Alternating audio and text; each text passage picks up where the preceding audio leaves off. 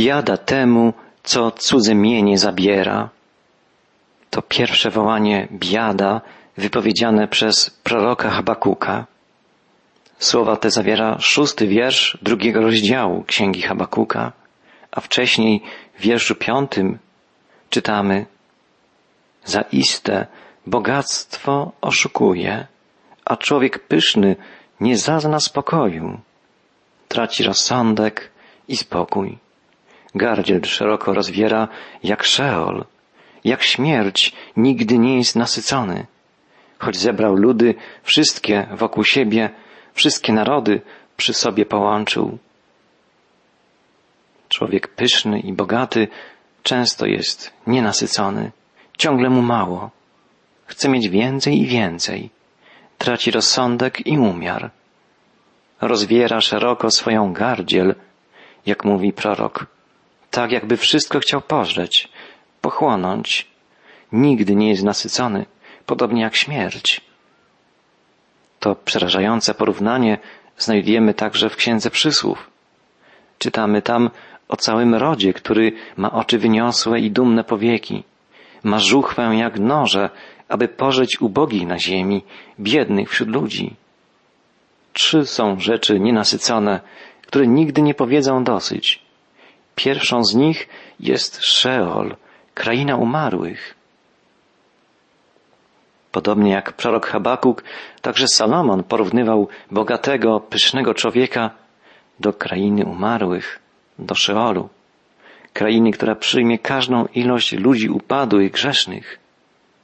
Pomyślmy o milionach, miliardach ludzi, którzy zmarli od czasów Habakuka do dzisiaj, na przestrzeni ponad dwóch i pół tysiąca lat. Podobnie nienasycony jak kraina umarłych jest człowiek, który jest zachłanny, chciwy, choć już bardzo bogaty. Ciągle jednak mu nie dość, ciągle łapczywie zagarnia wszystko, co może, w sposób prawy lub nieprawy, legalnie lub nielegalnie, wszystko mu jedno. Nie tylko pojedynczy człowiek, ale cały ród, a nawet cały naród może być opanowany rządzą nieustannego bogacenia się, rządzą coraz to nowych podbojów, grabieży, rządzą łupienia innych, podporządkowania sobie wszystkich dookoła. W czasach Habakuka narodem takim byli Chaldejczycy. Państwo babilońskie rozrosło się do rozmiarów mocarstwa, podbijało i łupiło inne narody, w tym Królestwo Judzkie. Uosobieniem potęgi babilońskiej był król Nebukadnezar i to jego z pewnością miał na myśli prorok Habakuk wołając Gardziel szeroko rozwiera jak szeol, jak śmierć nigdy nie jest nasycony, choć zebrał ludy wszystkie wokół siebie, wszystkie narody przy sobie połączył. Znamy taką rządzę łupienia, grabienia i podporządkowywania sobie innych narodów, także z historii nowożytnej. Adolf Hitler chciał zawładnąć całym światem. Także podboje kolonialne, dokonywane przez morskie potęgi, takie jak Wielka Brytania, Francja, Hiszpania, Portugalia, były przejawem chęci panowania nad innymi, chęci grabienia, złupienia ich i nagromadzenia wielkiego bogactwa kosztem innych. Takie postępowanie wiąże się z wielką krzywdą wyrządzaną całym narodom i nigdy nie może podobać się Bogu. Zawsze też, wcześniej czy później, ludzie, którzy chcą zagarnąć wszystko dla siebie, którzy chcą panować nad całym światem, upadają, są unicestwieni, upokorzeni. Tak stanie się też w przypadku potęgi babilońskiej. Znamy z relacji Księgi Daniela historię upadku starożytnego Babilonu. Czasie wielkiej uczty wystawionej przez króla Belsazara, gdy stoły uginały się od zastaw ze złota i srebra, zrabowanych między innymi w Jerozolimie, w świątyni. Nagle cała ta chwała i całe to bogactwo prysło, jak bańka mydlana. Prysła cała potęga Babilonu. Bóg położył kres rozpasaniu, grabieży, chciwości, okrucieństwu, przemocy Babilończyków. Prorok Habakuk woła biada temu, co mienie cudze zabiera. To pierwsze biada wypowiedziane przez proroka w imieniu Pana. Każdy agresor, każdy grabieżca musi liczyć się z tym, że zostanie ukarany za swoją chciwość, za dokonane zbrodnie, zabójstwa, przemoc, gwałty, grabieże. Bóg dokonuje osądu takich ludzi i takich narodów na przestrzeni historii. Dokonuje sądu nad narodami w imię sprawiedliwości. Uniża pysznych, okrutnych, chciwych, bezbożnych, krzywdzicieli pociąga ich do odpowiedzialności za dokonane zbrodnie. Boży prorok woła, zaiste, bogactwo oszukuje. Człowiek pyszny nie zazna spokoju. Traci rozsądek i spokój. Gardziel szeroko rozwiera jak szeol jak śmierć nigdy nie jest nasycony. Choć zebrał ludy, wszystkie wokół siebie, wszystkie narody przy sobie połączył, Czyż one go nie wezmą za przedmiot szyderstwa? Piosenki i wiersze na niego ułożą? Powiedzą, biada temu, co mienie cudze zabiera i obciąża się zastawem zbyt wielkim. Czyż nie powstaną nagle wierzyciele Twoi i nie obudzą się Twoi dręczyciele, a Ty staniesz się ich łupem? Tak stało się w przypadku mocarstwa babilońskiego. Najpierw ono złupiło narody ówczesnego świata, a potem upadło i zostało złupione przez mocarstwo Medopersów. Co człowiek sieje, to i rządź będzie. Ta prawda wypełnia się w życiu pojedynczych ludzi i w dziejach całych narodów. Prorok Habakuk przekazuje Boży wyrok Babilonowi. Ponieważ złupiłeś liczne narody, złupią i ciebie pozostałe ludy z powodu rozlewu krwi ludzkiej i gwałtów dokonanych w kraju przeciwko miastu i jego mieszkańcom. Wojska babilońskie dokonały wielu gwałtów, wielu krwawych zbrodni. Teraz ich samych spotka ten sam los. Wiemy, w jaki sposób upadł Babilon. Wody rzeki Eufrat, płynącej przez środek miasta, zostały skierowane nocą w boczne kanały, wdrążone przez perskich żołnierzy. Po dnie koryta rzeki wkroczyły do Babilonu wojska Medów i Persów pod dowództwem Gabriasza. Było to zdumiewające, kiedy wrogie wojska znalazły się nagle na ulicach miasta.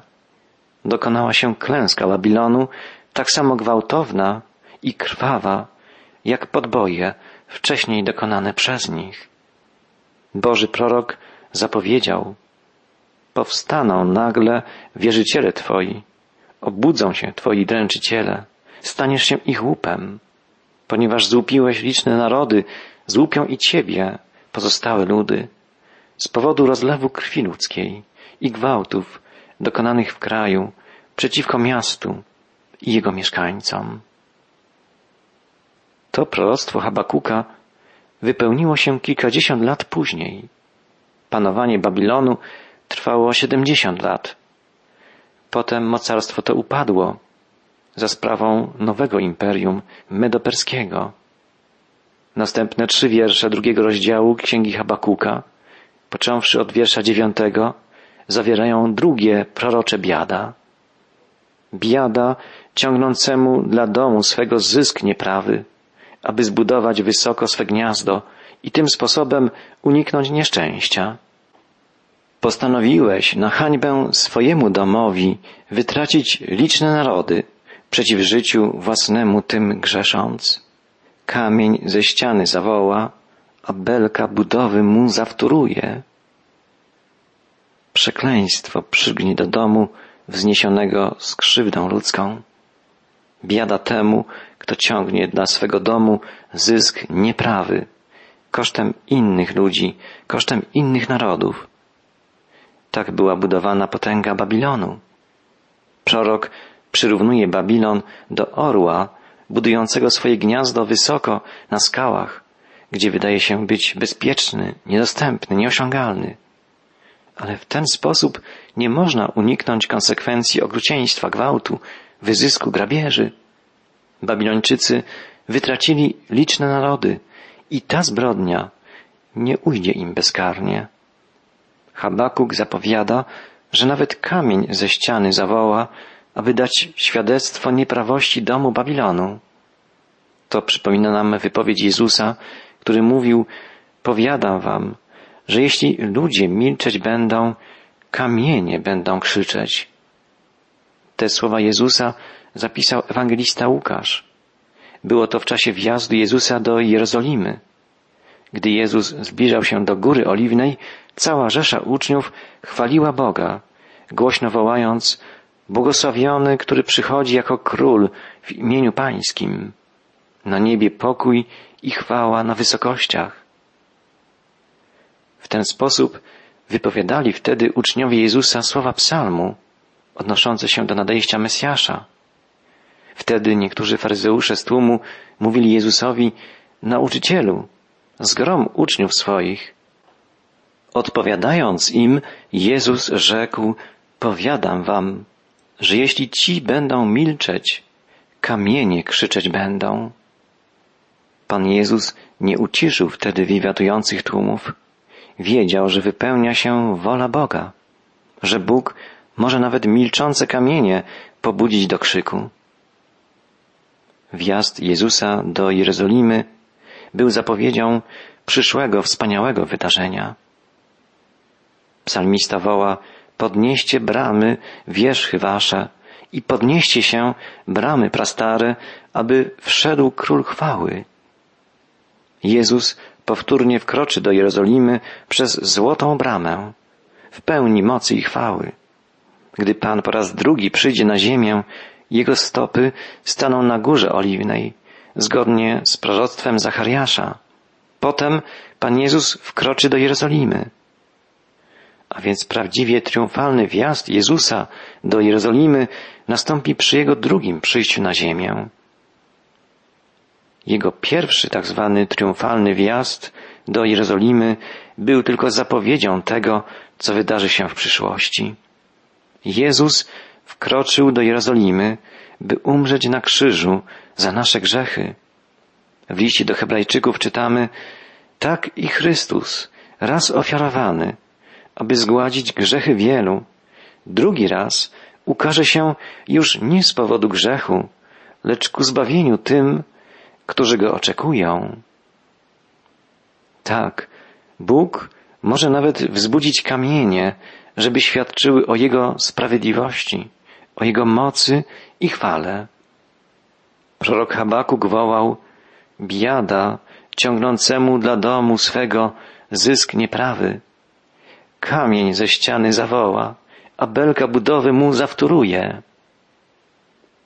Nieprawy zysk był grzechem nie tylko pogańskiego Babilonu. Był to grzech także ludu Izraela. Zamiast oddawać w domu Bożym chwałę swojemu Panu, urządzili tam targowisko. Handlowali się, kłócili, targowali, myśleli o pieniądzach, zamiast o modlitwie. Jezus przyszedł, by to zmienić, by lud Boży się upamiętał. Dlatego na zarzuty faryzeuszów odpowiedział Jezus, jeśli milczeć będą moi uczniowie, kamienie krzyczeć będą. A potem Jezus płakał nad Jerozolimą. Zapowiedział, że nie pozostanie z niej kamień na kamieniu. Ewangelista Łukasz zapisał, iż Jezus, ujrzawszy miasto, zapłakał nad nim. Mówił, gdybyś i ty poznało w tymto dniu, co służy ku pokojowi, ale teraz zakryte to jest przed oczyma Twymi. Gdyż przyjdą na Ciebie dni, że Twoi nieprzyjaciele usypią wał wokół Ciebie i otoczą i ścisną Cię zewsząd. I zrównają Cię z ziemią. I dzieci Twoje w murach Twoich wytępią. I nie pozostawią z Ciebie kamienia na kamieniu, dlatego, żeś nie poznało czasu nawiedzenia swego. W roku siedemdziesiątym naszej ery te prorocze słowa Jezusa wypełniły się. Przywódca wojsk rzymskich Tytus wkroczył do Jerozolimy, zburzył miasto i wymordował jego mieszkańców. Jerozolima ciągle pozostaje miastem niespokojnym. Słowa Jezusa, że jej mieszkańcy nie dostrzegają, co służy pokojowi, są nadal aktualne.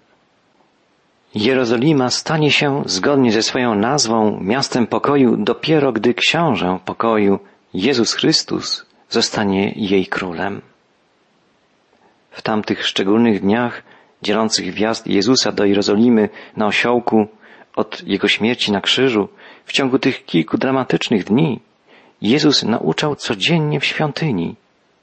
Opowiedział wtedy słuchającym go ludziom taką przypowieść. Pewien człowiek zasadził winicę i wydzierżawił ją wieśniakom. Odjechał na dłuższy czas.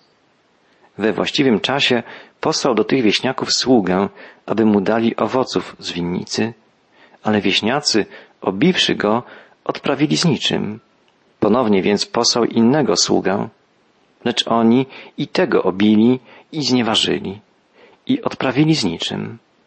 Potem jeszcze trzeciego posłał, a oni także i jego poranili i wyrzucili precz. Rzekł tedy właściciel winnicy, co mam czynić? Wyślę syna mego umiłowanego, może tego uszanują.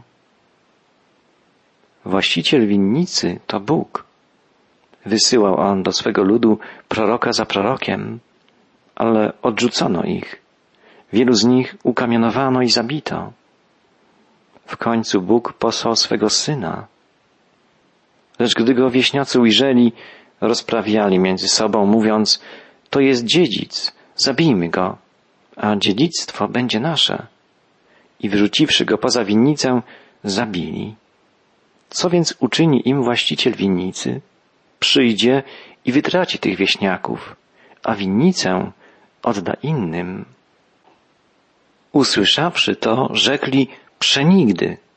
On zaś, spojrzawszy na nich, rzekł, cóż więc znaczy to, co napisano, kamień, który odrzucili budowniczowie, stał się kamieniem węgielnym. Pan Jezus powiedział słuchającym go ludziom, że mogą go zabić, ale nie mogą zniszczyć Bożego planu. Jezus zacytował Psalm 118. Kamień, który odrzucają, stał się kamieniem węgielnym. To jasny obraz wydarzeń, które wkrótce potem nastąpiły. Odrzucenie Jezusa i Jego śmierć na krzyżu przerodziły się w triumf zmartwychwstania i w narodziny Kościoła w mocy Ducha Świętego.